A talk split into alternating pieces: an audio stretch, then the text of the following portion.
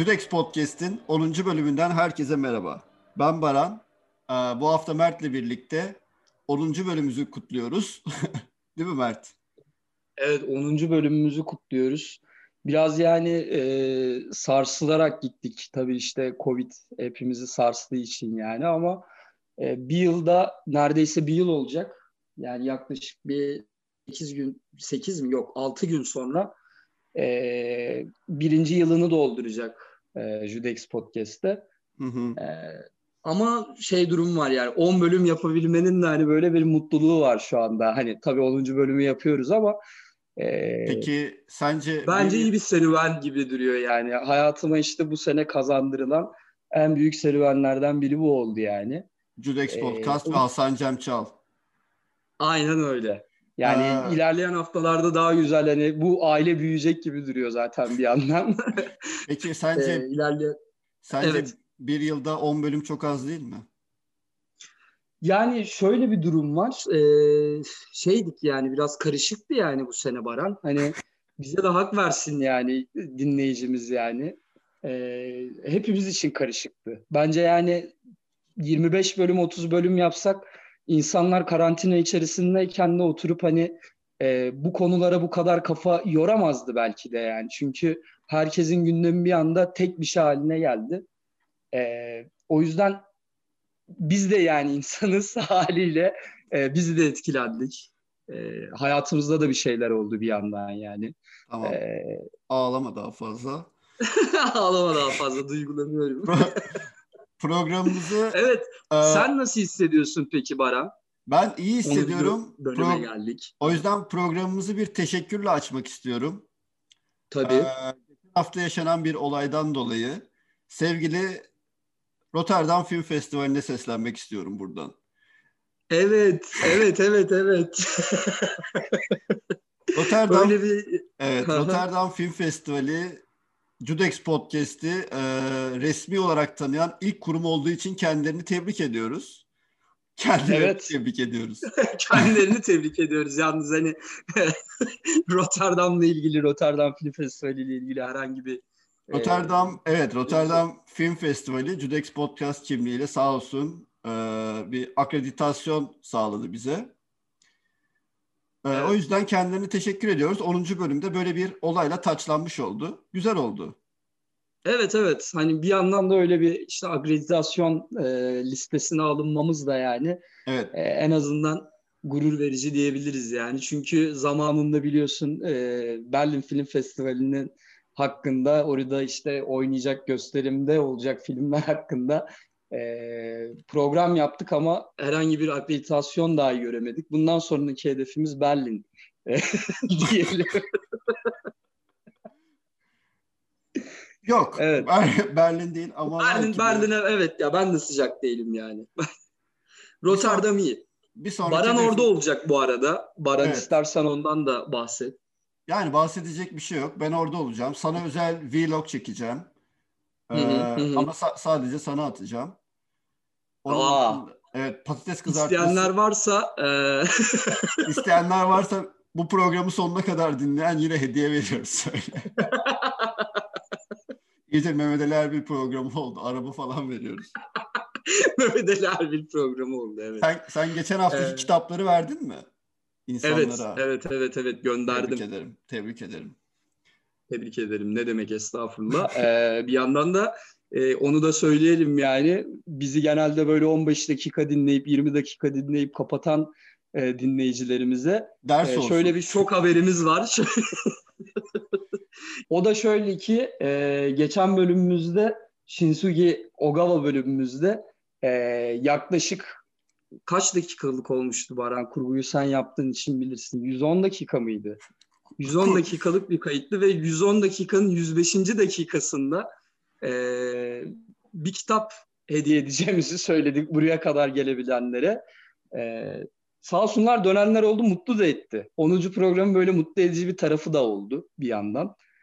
E, evet, 10. Evet, program. Bu kadar, bu kadar neşe saçan haberlerden sonra ee, yavaştan bugün ne konuşacağımıza geçelim artık. Bugün Evet. Baran'ın e, aslında bir dönem Türkiye distribütörlüğünü yaptığı. Hatta yetinmeyip Avrupa'daki e, artık böyle kuzenlerine mi ulaşmıştın Baran? Yanlış hatırlamıyorsam. Evet öyle bir durum oldu. Evet yani gayet hani böyle senin bu distribütörlüğünden de hoşlanan yani böyle aile üyelerinin olduğu bir yönetmenden bahsedeceğiz. Ee, sen söyle istersen. Senin daha çok konuşacak şeyin var diye hissediyorum. Bu evet bugün e, biraz insanın en sevdiği yönetmenin hakkında konuşma isteğinin yarattığı bir coşku içerisindeyim. Çünkü Teo Hernandez konuşacağız. Ee, evet. Benim son yıllardaki gerçekten e, sinemaya bakış açımı yeniden şekillendiren insanlardan bir tanesi. 10. bölüme böyle bir e, yönetmenin denk gelmesi beni çok mutlu etti. Senin de zaten e, çok ilgilendiğin ve konuşma isteğin olan bir konu olduğunu biliyorum. Kendi aramızda da haklarında çokça konuştuğumuz yönetmenler. Yani e, kolektif olarak.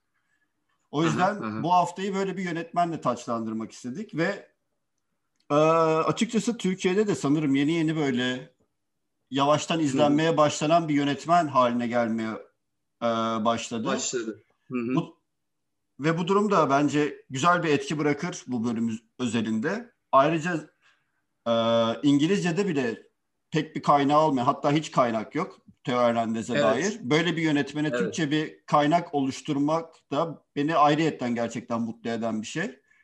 Tabii ki de. Tabii ki de. Ya büyük ihtimal çünkü daha da izlenecek bir yönetmen. Deneysel sinemaya olan ilgi yıllar son yıllarda özellikle daha da artmasıyla sonuçta Theo Hernandez de keşfedecek ve artık biliyorsun sosyal mecralar aracılığıyla da ya Letterboxd bile bir sosyal medya gibi bir durumda artık. Evet. Sevilen bir yönetmenin popülerleşme hızı çok daha fazla olduğu için eskiye nazaran böyle bir e, kitle oluşacakken buraya bir kaynak bırakmak beni seni de öyle olduğunu biliyorum gayet mutlu ediyor. O Kesinlikle yüzden... arşiv niteliğinde olabilecek bir ya ben hani Ogawa'nın da öyle olduğunu düşünüyorum. Geçen Tabii. E, bölüm anlattığımız. Daha önceki bölümlerde bahsettiğimiz e, yönetmenlerin de öyle olduğunu Hı-hı. düşünüyorum. O yüzden hani burada hani podcast'imizi övecek değilim ama e, bir arşive de hani böyle kaynaklık ediyormuş e, sevinci de var içimizde. Çünkü ya. Teo Hernandez gerçekten hani hı hı. az önce senin de bahsettiğin gibi e, çok kısır bir alanda incelenmiş yani. Evet. E, Anglo-Sakson kültürün içerisinde bile kendisi orada var olan bir göçmen olmasına rağmen hı hı. aslında filmlerinin çoğunu o kıta Avrupa'sında, coğrafyasında çekmesine rağmen e, orada bile hani şu anda e, değeri tam manasıyla anlaşılamamış e, bir yönetmen diyelim. Yani yönetmenden öte daha ben şey olarak görüyorum yani. Ben seninle beraber aslında hani Teo Hernandez'e daha çok ilgi duymaya başladım. Merak ettim. E, ve bu merakın sonunda şunu rahatlıkla diyebilirim ki e, senin az önce bahsettiğin gibi e, yıllar sonra büyük ihtimalle şu anda zaten Avrupa'nın veya Amerika'nın e, şu anda sinema, o art house camiada e, ilgilenmeye başladığı bir deneysel sinema artık ilgi duymaya başladı. Daha doğrusu sırtını çevirmeyi bıraktığı bir e, deneysel sinema var ve en büyük figürlerinden birisi aslında Teo Hernandez'de. Ve bir ben baktığımda hani şeyi hissedebiliyorum Baran açıkçası. Ee, bir icra ettiği, yapmaya çalıştığı sanatı yani burada hani bu şekilde dememin nedeni aslında sadece filmler üretmekle e, sınırlı kalabilen bir yapıda sanatçı değil. E, sanatının bir parçası gibi Teo Hernandez. Gerçekten e, bu diğer yönetmenlerde, bu, bu, bu podcast dahili içerisinde konuştuğumuz yönetmenler içerisinde de en ayrıksı olarak hissedebildiğim her filmini izlediğimde e, ya da üzerine bir şeyler okuduğumda hissedebildiğim insanlardan birisi. Yani yönetmenlerden birisi diyeyim ama dediğim gibi yani benim için daha kavramsal da bir tarafı var yani. Kesinlikle öyle. Ee, dediğine şöyle bir noktadan yaklaşacak olursam de- değer görmemesi meselesi üzerinden e, buna ilerleyen dakikalarda daha ayrıntılı değinmek istiyorum ama zaten deneysel sinemanın kendi içerisinde bir e, ayrıklaşma hali var. O dönemde de vardı. Özellikle Hernandez'in kariyerinin zirve yaptığı 70'lerde, 80'lerde de keza öyle. E, Fransız, Fransız deneyselliği zaten e, genel olarak dünya çapında biraz dışlanan bir e, konumdaydı. Çünkü Amerik hem Amerikan avantgardın baskın olmasından dolayı böyleydi. Hem de Fransız avant Fransız deneyselliğinden çıkan yönetmenler genelde yeni dalga akımının bir alt kolu olarak nitelendirilip e, biraz daha geri plana atılıyordu. O yüzden Hernandez öyle de bir sıkıntılı bir sürece denk geldi aslında. Biraz şanssızlık oldu yani onun için. Çünkü av- Amerikan avantgardı içerisinde var olmuş bir yönetmen olsaydı kuşkusuz tabii sineması daha farklı bir yere evrilecekti. Daha farklı bir şekli bürünecekti. Olumlu veya olumsuz bir şey söyleyemeyiz. Ama hı hı. Amerikan avantgardının o baskınlığından olumsuz anlamda zarar gören bazı e, yönetmenlerden birisi o da. Son dönemlerde zaten değer görmesinin sebeplerinden birisi de e, bu artık filmlerin dağıtım boyutunun daha fazla dijitalleşmesiyle birlikte biliyorsun zaten Teo Hernandez öldükten sonra tüm filmlerini Michel Nedjar'a e, devretti, evet. bıraktı. Evet. Ya şey olarak yani e, telif hakları vesaire boyutunda. Michel Nedjar da bu Hı-hı. filmlerin altından kalkabilecek bir arşiv donanımına sahip olmadığı için filmleri e, zaten 70'lerde Teo Hernandez'in e, ilk ret- retrospektifini yapan Centre Pompidou'ya bıraktı Paris'te. Hı hı hı. Onlar onlar da işte dijitalleştirme çalışmalarına 2010 sonrasında girişti daha da yoğun giriştikten sonra bazı filmleri Lightcon vesaire diğer, e, veya diğer kurumlar vasıtasıyla online gösterimi açtı. Bu tabii bir anda bir ilgi oluşmasına sebep oldu. Çünkü e, maddi gösterimler yani direkt somut gösterimler film üzerinden çok sık yapılamadığı için bu tarz bir yöntem tabii ki Teo Hernandez'in tanınmasına ve değer görmesine bir tık daha katkıda bulundu. O yüzden bu süreç hala işlediği için de değer görme aşaması aslında devam ediyor. O yüzden ben bu tarz yönetmenlere çok fazla değer görmemiş e, yaklaşımında bulunmayı sevmiyorum. Çünkü hı hı. E, deneysel sinemanın zaten realite ortada yani bir yaptıkları dönemde de şu anki dönemde de özellikle de sadece film üzerine çalışan video art kısmı daha farklı tabii. Video artta dağıtım da e, tüketim de daha farklı metotlarla işliyor. Film üzerinden daha analog çalışan yönetmenlerin yani bu tarz handikapları oluşmak zorunda mecburen gerçekleşiyor böyle durumlar. Ama tabii ki bu süreçlerin e, telif hakları vesaire çok sen de biliyorsun yani çok sıkıntılı süreçler evet. olduğu için ulaşımı, dağıtımı e, biraz zaman alan konular oluyor.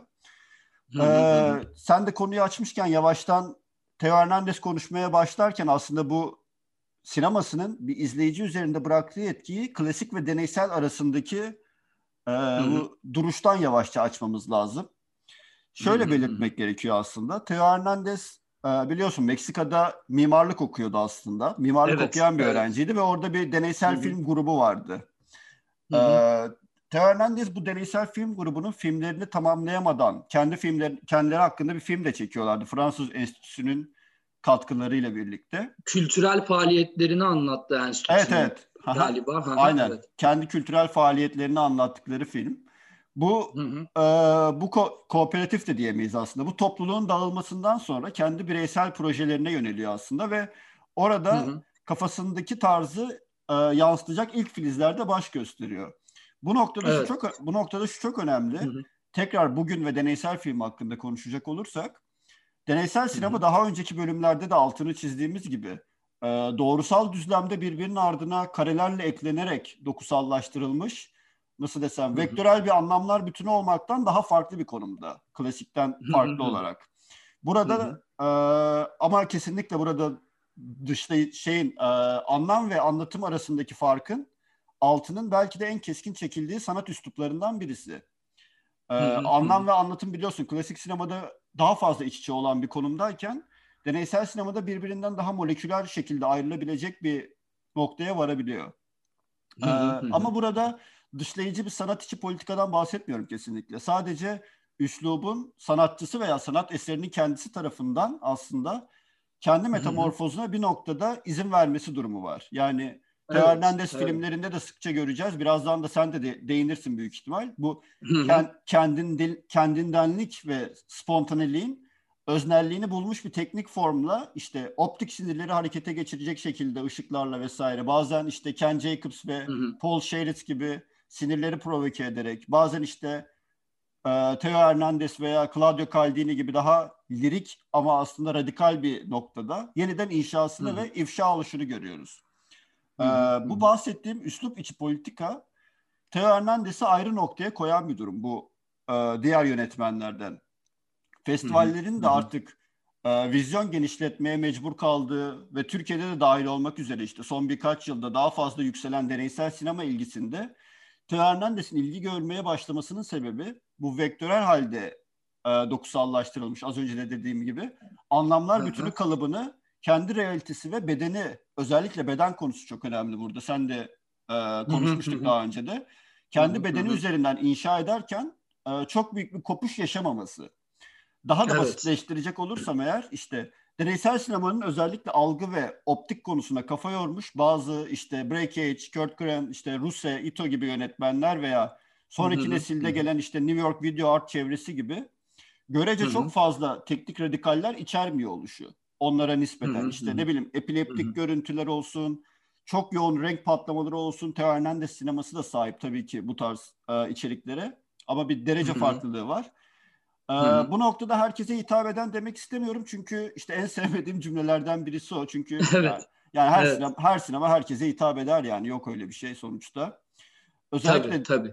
Ama özellikle deneysel sinemada bir göz aşinalığı, deneyim tekrarı gerektiği için e, çünkü Breakage konusunda konuşmuştuk gözün masumiyeti olayında. Hı-hı. Gözümüz Hı-hı. klasik sinemayla şekillendiği için bunun tersine bir şey izlemek için bir göz aşinalığımız ve göz tekrarı bunun e, buna gidecek yolda göz tekrarından izleme alışkanlığından Çok güzel bir geçiyor. noktadan evet e, ki çok güzel bir noktadan yaklaştım Baran. Hı E, Teo Hernandez de zaten bir nebze o anlamda bence benziyor yani Breakage'le e, o konuda. Gözü bir engel olarak görüyor aslında. Evet. Sonuçta sinema bir hayal etme ise veya işte ortaya koyacağımız bu imgeler bütünü yığını bir hayal etmeye yol açacaksa e, işlevsel bir araç olması için de gözün bir engel olduğunu bilmemiz lazım gibi. E, ilginç bir noktadan yaklaşıyor mesela Teo Hernandez'de. Evet. Dediğin gibi. Ben öyle bir katkıda bulunmak istedim. O anlamda bana ilginç geldi zaten. Kesinlikle ee, öyle. Çünkü e, gözün engel olmasının sebebi e, gözün normalde bir izleme pratiğinde neden bahsederiz? Göz bir araçtır. Bir şeyi izlemek için e, sa- sağlayan noktadır, kaynaktır ama ee, gözümüz işte breakage konuşurken de bahsetmiştik. Gözümüz artık hı hı. toplum inşası tarafından şekillendirildiği için biz hep işte hı hı. sosyologlar da vesaire de karakter inşası veya birey inşası üzerinden yaklaşır ya böyle toplum inşasına. Bre- evet, e, evet. Breakage bunu izleme pratiği üzerinden göz inşasına e, evrilmişti. Hı hı. indirgemişti daha hı hı. doğrusu. Bu hı. indirgeme Teo Hernandez'de de mevcut ama bu ee, çok spesifik bir şey değil bence çünkü deneysel sinemanın çoğu için geçerli bu. Çünkü e, o göz algısının yeniden inşası için çok yoğun bir pratik tekrar gerekiyor gerçekten. Yani bu ayrılan büyük noktası da şey diyebilir miyiz Baran peki? Yani, Recage'den mi? Kameranın evet evet ha. yani ya da daha önceki işte bu e, göz üzerine e, algılama işte algının Hı-hı. macerası üzerine e, konuşulan konularda veya işte üretilen işlerde ayrılan bence en büyük noktası Teo Hernandez'in ya kameranın merceğini terk etmiş sanki. Hani kamerayı da aslında zaten sürekli bahsedeceğiz ondan da ama Super 8 e, kamerayla çalışmış. Hı hı. Yani yüze yakın filmini, e, yüzü geçkin filmini hatta e, bu kamerayla çekmiş. Ama bir yandan da baktığımızda hani o e, insanın gözündeki o sinirsel dokuları, uzamları bırakmış ve daha fazla arzuyu ne kadar yakınlaştırabilirim kameraya. Hı hı. Ben öyle hissediyorum filmlerindeki e, o yoğunluğa baktığımda. O yüzden e, kendisi de zaten dokunsal sinema diyor ya bir yerde. Evet. Hani dokuya hitap eden hı hı. E, bir sinema diyor. Benim yaptığım sinema. Kendi günlüklerinde de bu şekilde bahsediyor. Ve sinemayı sanki bir duyumsal bir arzu sanatı, arzulama sanatı ya da gibi algılıyor. O yüzden sanki kameranın merceğini terk ediyor ve ayrılıyor da yani bir noktada. Herkesin bir tercihi var. Ee, az önce senin de söylediğin gibi. Spesifik bir şey değil zaten bu konu. Ee, deneysel sinema içerisinde zaten yıllardır tartışılan bir konu. Ee, yarım yüzyıldır tartışılan bir konu neredeyse. Ee, ama onun arzuya yaklaşımı ve kamerayı aslında terk edişi gibi diyorum ben yani. E, öyle algılıyorum en azından. E, bana ayrılan noktası gibi geliyor. Diğer kısımlardan, diğer kesimlerden. Kamera noktasına dinamizm dinamizm kısmını konuşurken tabii daha da açarız. Hı. Breakage'de ama özellikle algının macerası konusunda çok evet ayrık, ayrıksılaşan bir noktası var. Çünkü Break, Breakage bizi kendi sahne içerisinde yarattığı alan ve boşluklarla e, tek karede bile farklı yerlere sürükleme gayretindeydi. O yüzden mesela Breakage'in e, her karesinin bir resim sanatına yatkınlığı çok daha yüksek bu nedenle. Çünkü Aha. e, odak noktanın sürekli dağılması hali var. İşte zaten buna algının macerası diyoruz direkt olarak. Teo Hernandez, de, Teo Hernandez e, bu konuda e, şöyle anlatayım. E, ekrana koyduğu yani kamerasıyla çektiği herhangi bir obje arasında bir hiyerarşik bağla hiyerarşik sıralama kurmuyor. İşte hı hı, alan, hı. bunu da alan derinliğini yok ederek yapıyor genelde teknik olarak. Ee, hı hı, Burada algının sadece tek bir yerde toplanmasını istiyor. Breakage algının komple bütün çerçeve içerisinde hangi frame'i veriyorsa, hangi ayarla veriyorsa o ayar içerisinde dağılmasını hı hı. istiyordu. Hernandez ise direkt hı hı. E, sevip güzel bulduğu nesneyi bize yansıtıp o nesnenin doğrudan en pür ve pak haliyle ekrana gelmesini istiyor. Bu en en büyük farklılıkları bence o algı konusunda. Evet. Ama evet. ben birçok e, deneysel sinemada bu e, düşünceye e, kafa yoran e, birçok yönetmenden ve sanatçıdan da zaten ayrılan noktası dediğin gibi bu oluyor. Hı hı. Ya ben hı. zaten bu önce Fransa'daki o dönemini geçişten sonraki dönemini bir kısaca toparlayıp oradan sonra biraz daha teknik konulara geçeriz diyorum. E, hı hı bu hı o bu deneysel sinemaya kolay aşina olma haline dönecek olursam Theo Hernandez sinemasında zaten Avrupa'ya geçişinden sonra sinemaya anlatım ve temsil üzerinden yaklaşmaya başlıyor daha çok. Önemli olan en önemli nokta bu. Theo Hernandez sinemasına girişte. Bu anlatım ve temsil biliyorsun yani klasik sinemada çokça başvurulan bir yöntem. Bunun deneysel evet. sinemayla arasındaki bağı kurmak gerçekten çok zor bir nokta.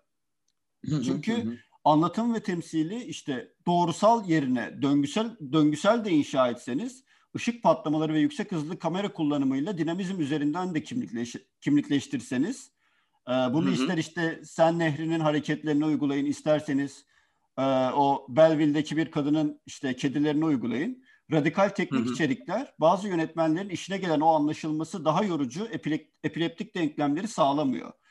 O yüzden evet. o yüzden zaten az önce dediğim gibi en azından 1980'lere kadar işte Theo Hernandez'in yanında işte Katerina Tomadaki gibi, Clonaris gibi, Lauder gibi işte Pierre Clementi gibi isimlerle hı hı. tanışana işte Fransız deneyselinde kendine yer edene kadar Hernandez'de hem işlevsel hem de söylemsel açıdan bir klasik sinema özellikle de Hollywood işte Meksika'daki hı hı. çocukluğundan dolayı sanırım ilgisi bağlantısı hı hı. var o tarihlere kadar. Yani klasik sinemadan hı. tam bir kopuş halinde değil. Bu büyük ihtimal Meksika'daki sinema endüstrisinin Hollywood'la olan e, bağlantısından bağlantısı, dolayı. Bağlantısı. Çünkü Walt, Walt Disney falan filmlerini de sevdiğini biliyorum. Snow White'ı özellikle. Günlüklerinde bir yerde denk evet. gelmiştim ona. Snow White'ı sevdiğini söylüyordu. ki, ki zaten ilk filmlerinden birisi 1969 yılında işte Marlene Dietrich, işte Greta Garbo gibi isimlerin Tanca'da bir odada müzik altında çerçevelerin döndüğü tam da Hernandez'in istediği gibi sonu olmayan bir film. Stars of Yesterday filmi. Zaten e, Merlin, Merlin Dietrich'i Morocco, Morocco'dan biliyoruz. Çok güzel bir film o da yani ayrıca. Ona ayrı bir parantez açarsak. Buradan da Von Sternberg'e sevgilerimizi yolluyoruz kabrine. Neyse o nedenle Hernandez'in görsel olarak klasik sinema izleme pratiği daha yüksek olan biri tarafından da izlenince e, ilgi bulunmasının sebeplerinden başlıcası bu. Yani Hernandez izledikten sonra yorulmanın aksine daha enerjik bir hava oluşuyor e, izleyende.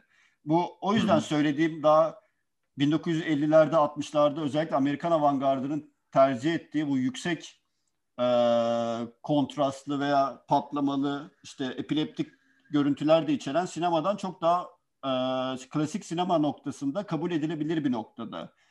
O evet evet daha hı hı. daha önce göz tecrübesi daha az olmuş yani göz masumiyeti diyebileceğimiz noktada daha deforme olmuş bir gözün işte Ponti konuşurken hı hı. bahsetmiştik Breakege'de o deforme gözden. O deforme hı hı olmuş hı. gözün e, Theo Hernandez sinemasını kabul edişi çok daha hızlı olabiliyor. Bence. Evet. Aha, yani çok bir yandan da e, görüntünün yıkıcı bir gücü var. Evet. Ve o yıkıcı gücün içerisinde aslında e, belki de dediğin o kültürel kodlardan gelen e, bir gerçekliği yansıtma veya işte yeniden üretme kapasitesinden de e, farkında gibi bunun, bu kapasitenin farkında gibi ancak e, bunu bir ritüele veya işte büyülü bir deneyime e, çevirme havası var. Hı hı. O yüzden de e, duysal olmayan bir oluşturma gücü oluşuyor.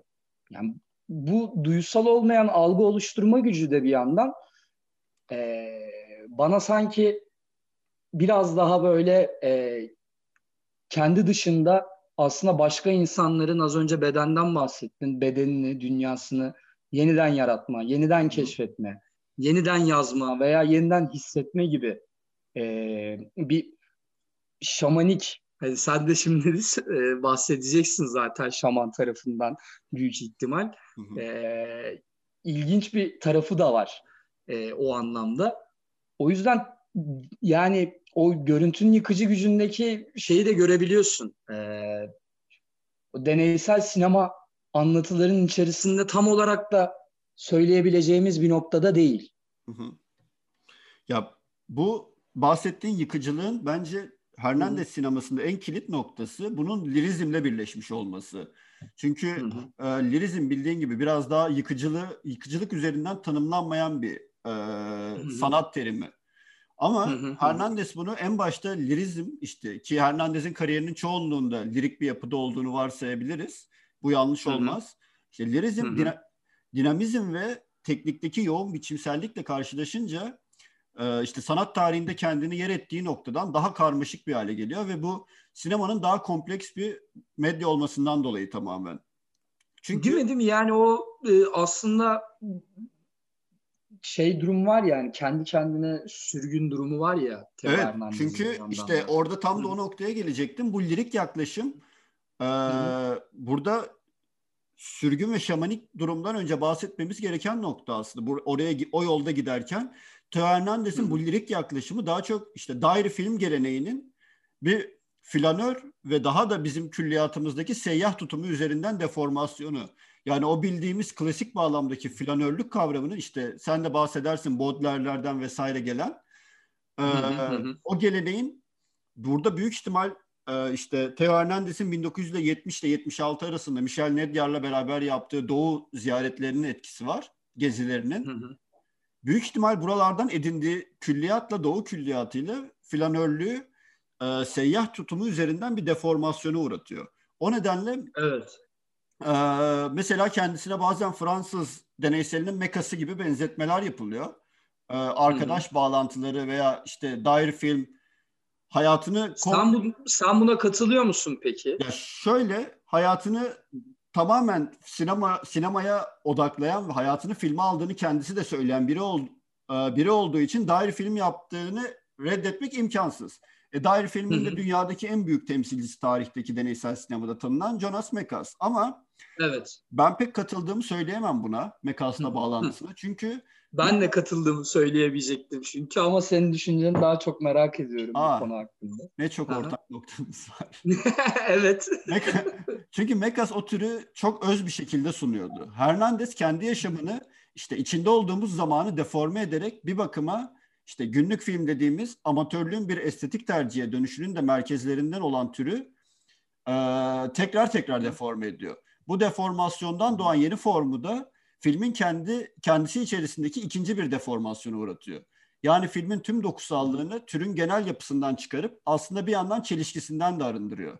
Çünkü E, gün, günlük film dediğimizde evet aklımıza ilk gelen Mekas tabii ki. Ama bu fikir zaten sanatçı ve sanat eserinin işte o sanat eseri tarihin belki de en klasik sorusuna da konu olmuş bir durum. Sanatçı ve sanat eserinin ilişkisi. Bu birlikteliğe en dıştan yaklaşma üzerinden temellendi. İşte özellikle sinemanın tam olarak sanat mertebesine çıkamadığı, işte hareketli görüntü olarak adlandırıldığı daha çok ilkelinde hı hı. işte birinin bahçesinde çocuklarını çekmesinden tut da işte Hernandez'in Tanca'da su kenarında uzanan Michel Nedyar'ı çekmesine kadar yani Bu iliş, bu ilişki biçim, bu ilişki biçimsel bir evrime uğrayarak devam etti. Ki öyle olması da Hı-hı. gerekiyordu tabii ki sinema evrimselliği içerisinde kendi içerisinde. e, çünkü kendisiyle çelişmemesi gerekiyor bir noktada. Şöyle bir durum var. E, daire film yapan yönetmenleri birbiriyle karşılaştırmak çünkü filmin kendi formuna biraz hakaret gibi. İşte iki günlük arası iki günlüğün birbirinin aynı olmasını bekleyemeyiz hiçbir şekilde. Çünkü aynısı olmaz ki Tabii. ve böyle bir özellikle de bu tarz yönetmenlerde özellikle deneysel film formatıyla ilgilen, ilgilenen yönetmenlerde bu yönetmenlerden başlıca beklentimiz her zaman bir yol ve metot yaratarak sunmak zorunda olmaları ve bunu başkalaştırmak zorunda olmaları. İşte Teo Hernandez kendi hayatı ve gelişmelerini aktarmada yani bir nevi daire film yaratmada biçimsel e, yolu ve metodolojiyi en öznel yaratmış birkaç isimden biri bence ve hatta Mekas'ın da önünde olarak görüyorum kendi adıma. Tabii e, şu anda bahsettiğimiz o daire film kalıplarının dışında e, kalmasının nedenlerinden biri olarak ben ya da Mekas'a çok yakın e, bir şekilde görmememin nedenlerinden birisi belki de e, Paris'i de aslında kendi kendine e, bir sürgün yaratarak Meksika'dan biliyorsun en başında e, Meksika'da e, bir bu kararı vermesinin nedenini günlüklerinde de e, bir diasporik bir taraf olmasını e, açıklıyor. Evet. Çünkü insanın kendi kendine kendi kendine e, yaratmaya çalıştığı bir sürgün e, bir noktada da aslında gireceği toplumun içerisinde kendini e, yabancı gibi hissetmesi, bir göçmen gibi hissetmesi bir yandan E, farklı bir e, sanatın içerisinde, sanatının içerisinde farklı bir e, gücü pompalayacağını biliyor. O yüzden Paris'i de yürüyerek keşfettiği bir dönemi var biliyorsun. E, evet. E, Theo Hernandez'in. Ve aslında kent gezginlerine ya daha doğrusu aylak kent gezginlerine e, flanör deniyor. Ve yani flanörlük çok geniş bir kavram ve yıllar içerisinde bu kavram içerisinde çok açılımlar oluyor. İşte aslında Baudelaire'den çıkan 1860'ların e, ortalarında hı hı. E, flanör kavramı Baudelaire tarafından ortaya atılan bir durum. Ama kavram e, ama bir yandan da baktığımızda e, Walter Benjamin daha sonra başka bir açıklamayla daha entelektüel bir taraftan ancak daha olumsuz bir taraftan değerlendiriyor. Daha sonra Baudrillard giriyor işin içine. Baudrillard televizyonun önüne e, çakılmış bir izleyiciden farklı olarak belki bir yan bir tarafı da muhalif, bir tarafı da e, belki de e, bu flanörlüğün tam manasıyla aslında kent gezginliği değil de toplumun içerisinde yaşarken o acıları da görebilmesi ve onları da gözlemleyebilmesi tarafından algılamaya çalışıyor. E, sosyolog bir yandan Bauman giriyor bu işin içerisine ve flanörlüğü bambaşka bir yerden açıklıyor. Hı hı. E, derken aslında Teo Hernandez'le karşılaşınca tamamen sanatına sirayet etmiş o flanörlüğün ve e, göçmenliğin tamamen e, hem politik bir tarafı ya yani protest bir tarafıyla karşılaşıyorsun hem de gerçekten yeni bir tanımlama yarattığını gözlemleyebiliyorsun. E, çünkü kendisi bir göçmen yani her şeyden önce ve tam da bu flanörlüğe merak saldığı bu kavramı daha da genişletebilmek adına daha öncesinde uğraştığı işte biraz daha e, şaman kültürü kültüründen Hı-hı. sonra e, bir anlamda flanörlüğü bambaşka bir yerden ele alıyor. Bence, Bence gerçekten bir e, felsefik altyapısı olan da bir tarafı var. Çünkü Hı-hı. gerçekten bir göçmen ve evet. e, göçmenlerin Fransa'da tam da o dönemlerinde yaşamış e, işte baskıya uğradığı veya işte biraz daha dışlandığı sen de en başında bahsetmiştin ya belki de Fransız deneyselinin o dönemlerinin bu kadar başarılı olamamasının veya işte dağıtıma geçememesinin bir kolektif şekle gelmemesinin nedeni e, aslında bu olarak açıklanabilir. Yani, çünkü zaten dönemde yaşadıkları göçmen krizi olarak. Yani sosyolog e, sosyolojik bir tarafı da var aslında baktığımızda. E, ancak buna öyle bir noktadan yaklaşıyor ki Paris'i yürüyerek keşfeden bir göçmenin e, flanör hikayesini de görebiliyorsunuz arka tarafta background'da. Evet. Bana çok ilginç geliyor o anlamda e, Baran. Tabii ki zaten e, o dia- macerası. O diaspora durumunun kendisini daha da zora sokmasının sebeplerinden zaten söylediğin gibi hem göçmen oluşu e, Fransa'da, Paris'te e, hem gerçi e, Meksika'daki okulunda Fransızca temelli sanırım bir eğitim alıyor. O konuda dil konusunda en azından rahat bildiğim kadarıyla. Ama hem ee, bir sanatçı olarak göçmen oluşu hem deneysel sinema gibi sinema tarafından zaten dışlanmış bir sinemayı yapıyor oluşu ikinci bir dışlanmışlık sağlıyor.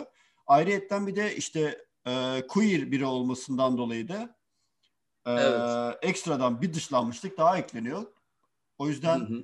E, kendini keşfetmek ve kendini aktarmaktan başka bir yol olmayan sanatçı haline bürünüyor. Bunda da bu zorlukların etkisi çok yoğun dediğin gibi. O seyahat hı hı. uzun seyahatlerin seyahatlerinde bunun etkisi var. İşte sanatında kendini başlıca temsil biçimi olarak e, vermesinde bunun etkisi var.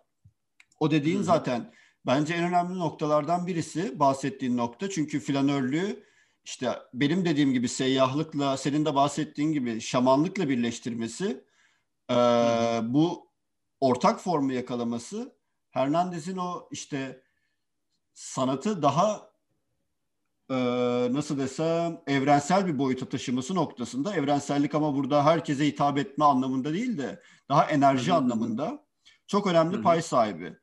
E, o şamanlık Hı-hı. kısmına gelecek olursak e, yönetmen ve aslında bu temel olarak şey Teo Hernandez'in günlüklerinden çıkıyor. Teo Hernandez günlüğünde bir noktada yönetmen şaman ve mimardır e, diye belirtiyor. Hı hı. Tabii yönetmen hı hı. ve şamanlık kavram birlikteliğini sinema diline ee, Stan Brakhage Metaphors e, on Vision kitabıyla sokmuştu. Onun bölümünde de konuşmuştuk. Tabii daha hı hı. öncesinde filmler aracılığıyla çeşitli sembolizm denemeleri yapıldı şamanlık üzerinden çokça. Şamanlığın da çoğu kültürde e, kendi içerisinde yoğun semboli, sembolizm barındırmasından dolayı ama yönetmen kimliğiyle bütünleştirilmesi ve biçimsel yeniden inşasını Brakhage Metaphors on Vision'da dillendirmişti. Yönetmeni Hı-hı. şaman olarak tanımlamak tabii kuşkusuz beraberinde bir e, mistisizm getiriyor. Breakage'de bu şamanlık hali ölüm ve yaşam üzerinden kendine konum yaratan bir arayış ve bekleyiş meselesiydi. Onu bu, bu cümleyi sevmiştim. Sen kullanmıştın hatta o bölümde. Evet. Bu arayış Hı-hı. ve bekleyiş meselesi. Yani Breakage şamanlığı daha metafizik daha metafizik boyutundan yola çıkıp o düşünce aşamasını işte Charles Olson'ların, Ezra Pound'ların Amerikan avantgardı şiirselliğiyle birleştirerek bir projeksiyon çıkarıyordu. Ee, tabii ki bunu dini referanslar ve döngüsellik dahilinde yapıyordu. Teo Hernandez'de ise bu belirttiği şamanlığın günlüğüne de yanına eklediği gibi mimarlık boyutunda farklılaştığını ve çok pratiğe dönüşen bir nokta olduğunu görüyoruz. Ee, burada önemli nokta şaman ve mimar kısmı. Çünkü evet. e, mimarlık daha fazla sistematize bir nokta barındırdığı için şamanlığın o metafizik boyutunu somutlaştırıyor aslında. Ee, burada tarzı benzese de mesela Claudio Caldini gibi sistematize bir teknikten bahsetmiyoruz ama kesinlikle. Bir film pratiği Hı-hı. sistematiğinin şamanik kültürden alınan trans pratikler işte trans pratikleriyle, ritüelleriyle farklılaştırılması söz konusu. İşte o belirttiği Hı-hı. şaman mimar birlikteliği burada giriyor devreye. İşte mimarinin getirdiği o sistemli ve çok ince planlanmış Mesela Caldini'de old school bir deneysel yansımasını görüyoruz bunun. Günümüzde işte Amy Coles'ta daha klasik belgesele yakın formunu görüyoruz. Berlin bölümünde konuşmuştuk. Evet. Ee, şamanlığın transa geçme pratiğiyle kendindenliğe evriltiyor bu noktayı. Ve aslında ortaya çıkan bu sistemli spontanelik de yönetmenin dinamizm ve kamera hızıyla kendi zamanını yarattığı bir spiritüel dolaşım hali yaratıyor.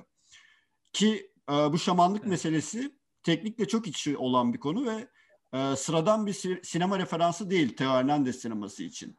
Zaten kamera hızı ve dinamizm noktasında en temel dayanağı bu bence Hernandez'in. imza hareketlerinden birisi biliyorsun. Film içindeki o transa geçme noktaları. E, evet, kamera evet. hızını kullanarak. Daha detaylı Hı-hı. konuşuruz onu tabii. Ama sanırım bu durum Hernandez'in işte dediğim gibi 70-76 arası işte Michel Nedyar'la seyahatlerinden edindiği düşünsel kazanımlardan birisi. Ya düşünsel kazanımları çoğu yönetmen bu tarz seyahatlerde elde ediyor ama önemli nokta bunu e, pratiğe yansıtacak bir sistematikliğe oturtmak. Şamanizmin en azından bir kültürel fenomen olarak hala hissedilebilir olduğu coğrafyalar mevcut zaten. İnsanlar okuyor, ediyor üzerine. Ama bunu bu kadar e, o dediği mimarlık noktasında sistematize ederek bir noktaya evriltişi çok farklı kılıyor bence. Evet. Yani zaten bence e, Teo'nun çalışmaları şamanizmle ilişkilendirilme biçimi bence tesadüf değil. Çünkü e, Teo aslında bir yandan da çağdaş dansla da ilgileniyor. Hı hı. Ama bu çağdaş dansın sadece e, modern senaryo ve anlatı araçlarının içerisindeki o özne ve temsil nesnesi gibi de görmüyor bir yandan. Hı hı. Yani bir burjuva mesafesi olarak görüyor çağdaş dansı bence en azından. Seyirci ve e, o dansı icra eden insanlar arasında genellikle bir e, pasif bir karşılaşma olur ya çağdaş dans Evet. içerisinde ya da dans içerisinde yani bugün bir kalıp içerisinde soktuğumuz. Hı hı. E, o yüzden bir yandan da şamanizmin biliyoruz ki e, açıp incelediğimizde okuduğumuzda o ritüellerin içerisinde e, dans e, noktası da çok önemli bir hale geliyor. Haliyle Teo bence ilişkilendirme biçimi tesadüf olmamasının nedeni burada yatıyor. Çünkü e, o dansların içe, yani o dans e, eden e, Badu'nun birazdan bahsedeceğiz yani işte Hı öyle güzel çekimlerini alıyor ki ve kamerayı bir manada kendi de e, dans ederek öyle bir o anda atmosferin içerisine ve e, kadrajın içerisinde e, kayboluyor ki Hı hı. bir yandan da e, bu dokunsal sinema diye bahsettiği şey aslında yani e, farklılaştırılmış sinema ve dans gibi farklılaştırılmış sanat alan alanlarının uzlaşmasını bile e, daha görünür ve daha e, anlamlı hale getiriyor. Dediğin Yani- gibi Dans etmek, film çekmek gibi diyor ya kendisi de evet, evet, zaten. evet. Yani şamanizmde de hani bir manada baktığımızda o Hı hı. e, ilişkilenme biçiminde e, ritüellerle, gelenekleriyle ilişkilenme biçiminde e, tamamen o soyutun içerisinde tek potada erime güdüsü var. Ve bu erime güdüsünü aslında Teo Hernandez tamamen filmlerine net bir biçimde yansıtabiliyor. Kesinlikle. Hı hı. Ya tam olarak dediğin gibi işte Teo Hernandez'le bir başka özdeşleşen durum beden kullanımı ve dans. Özellikle Hı hı. işte 80'ler sonrası Catherine Deneuve ve son filmlerinden birini de adadığı işte Bernardo Monte'nin dans Evet. stüdyosu olan Stüdyo DM'le bir işbirliğine girdikten sonra e, figüratif görüntü dizaynını e, koreografi ve beden politikası üzerinden yeniden şekillendiriyor. Ama bunu Hı hı. seninle daha önceden de konuşmuştuk. Burada bahsettiğimiz beden politikası bu e, feminizm odaklı güncel bir beden politikası noktasında değil. Daha farklı Hı hı. bir noktada. Orada senin dediğin gibi şamanizm gibi e, farklı ritüellere sahip trans pratikler ortaya çıkıyor. Bence Ya beden politikaları üzerinden bir yandan da söylem üretebiliyor zaten. evet evet E, çünkü tamamen alakasız değil zaten. Hı hı. Şu dönemde yani biliyorsun ki akademik camianın da böyle gerek yani işte kendi ülkemizde olsun gerek hani böyle Avrupa'nın da e, göz bebeği olan böyle test çalışmalarından birisidir beden politikaları. E, Hı hı. ve deneysel sinemanın da ciddi manada şu anda Tabii. e, fikir ürettiği, e, pratik ürettiği bir yandan da alanlardan birisidir. Ama ta o dönemlerde şu andaki bu klasik basma kalıp beden politikalarından farklı bir şey söylüyor. E, cinsiyet rollerinden bahsetmiyor bir kere.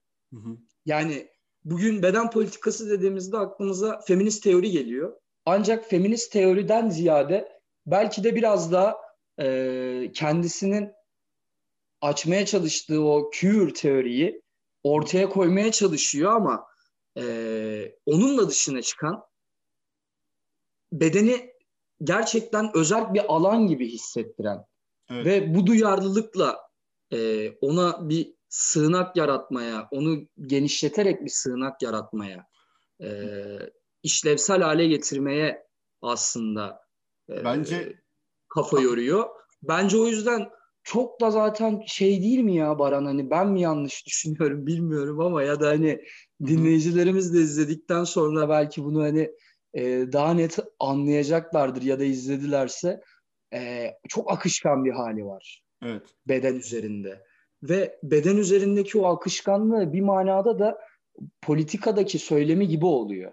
aslında cinsiyetler çok akışkan ve geçişken. Yani e, bugün LGBT e, teorilerine baktığımızda, açtığımızda e, Lubunya terim sözcüklerini bile açtığımızda aslında o akışkanlığı sonuna kadar görebiliyoruz. Ve filmlerine de bir manada aslında bambaşka bir yerden. Dediğim gibi yani beden politikasına aslında bir e, teorisyen background'uyla da yaklaşan bir tarafı var gibi hissediyorum ben. Ya burada beden noktasında senin dediğin gibi bedeni alan olarak kullanma çok önemli. Çünkü hı hı. bence e, akademik bir feminist söylemden veya işte queer teori söyleminden ziyade burada hı hı. E, topografya ile bence bağlantı kurabiliriz. Bir şeyi alanlaştırma hı. üzerinden. Bedeni hı hı. kullanma biçimi daha çok o. Ya bu arada hı. bence e, hak ettiğinden çok çok daha az gören bir dönemi, değer gören dönemi Hernandez'in.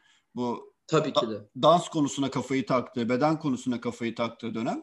80 öncesi işte senin az önce bahsettiğin film oydu büyük ihtimal. Kor Aboli gibi işte bedenin patlamasına dayanan ritim aksaklıkları ve beden deformasyonu üzerinden parçalı bir e, beden aktarımı portresi sunan bir denemesi olmuştu Gael Badu ile. Burada bedeni parçalama hani e, Raymond Carrasco'yu konuşurken şey demiştik ya Raymond Carrasco e, bedeni parçalarken bir anda da bütünsel anlamı parçalıyor diye. Theo Hernandez evet. de bu nokta bence arzu ve şehvetle ön plana çıkıyor. Ama burada Hı-hı. bahsettiğimiz şehvet ve arzu e, erotizm bağlamından ziyade daha çok öz öz arzu gibi bir noktada çıkıyor. İşte bu şamanizm dediğimiz noktada senin oradan buraya bağlamanın sebeplerinden birisi oydu zaten anladığım kadarıyla. Evet. Bu şama, şamanik arzuların işte ritüel zevkinin o saf arzunun ortaya çıkışını bu bedenle birlikte yapmaya çalışıyor. İşte dansı genelde bazı mitlerde olduğu gibi ölümle nitelendiriyor mesela. Ama bu böyle işte Bergman vari bir klasik sinema metaforu olarak değil. Doğrudan sahne içi alan öldürme durumu. İşte odadaki evet. dans dans alanının bir yerine dansçı geçerken aslında hala kendi uzantın olan ve tekrar erişim sağlayacağın alanı öldürme fikri bu daha çok. Ee, bu filme alındığında da bedeni parçalık parçalı şekilde verip dans içinde işte o frame'de öldü, e, öldürdüğü alanı da dansın inisiyatifinden alıp kendisi belirleyerek ölü alanı koreografinin yeniden dizaynı üzerinden e, belirliyor. İşte Cor Aboli dışında işte son filmlerinden olan Pasta Ciel'de de bunun en sevdiğim örneklerinden birisi. İşte ritim, koreografi ve dans. Bu ölüm fikrini bir yandan kendi ölümüne uzanan yolda paralellikler içerisinde sunuyor. Son yıllarında yapmasının Hı-hı. sebeplerinden birisi bu rastlantı değil. Çünkü Hı-hı. o sürekli bahsettiğimiz döngüsellik, işte derviş referansı, trans hali hepsi bir yerde dansla birliktelik kuran şeyler. Bunların ortak özelliği Hı-hı. dans. Döngüselliğin de Hı-hı. İşte bu dervişlik konusunun da trans halinde, şaman, şamanizmde kendi içerisinde bir sonsuzluk yaratıyor çünkü bu hay- e, hareket diyalektiği sayesinde. Böylece de Teo Hernandez'in o sinemasında her zaman sağlamaya çalıştığı döngüselliği ve hayat döngüselliği altında bedenin hegemonik bir alt temsili oluşturarak e, görüyoruz. Çünkü işte bu evet. çıplak bir bedenin yarattığı erotizmin çok ötesinde bir hareket bağlantısı sunuyor. O nedenle de bu e, hegemonyayı daha çok düşünsel bir boyuttan yıkma çabası söz konusu. Söylediğin cinsiyet akışkanlığına gelecek olursam. Bu cinsiyet hegemonyasını o dediğin akışkanlıkla ve bunu e, düşünsel boyutu tekniğine yansıtarak çözmeye çalışıyor ve çökertmeye çalışıyor tamamen karşı bir perspektiften. İşte burada zaten ilk döneminde en çok etkilendiği yönetmen olan e, Jean Genet'in işte Anşan de Amour'u filminin de bence katkısı çok büyük. Orada da evet. işte zaten kariyerinin başında 60'ların sonunda vesaire yine e, ona ithafen A Film e, A Film Caused by, by'ı çekiyor. E, bu dediğin noktada ama kilit şey gerçekten de o cinsiyet arasındaki akışkanlığı dans akışkanlığının üzerinden o ölü alanları doldurma çabası olarak yansıtması.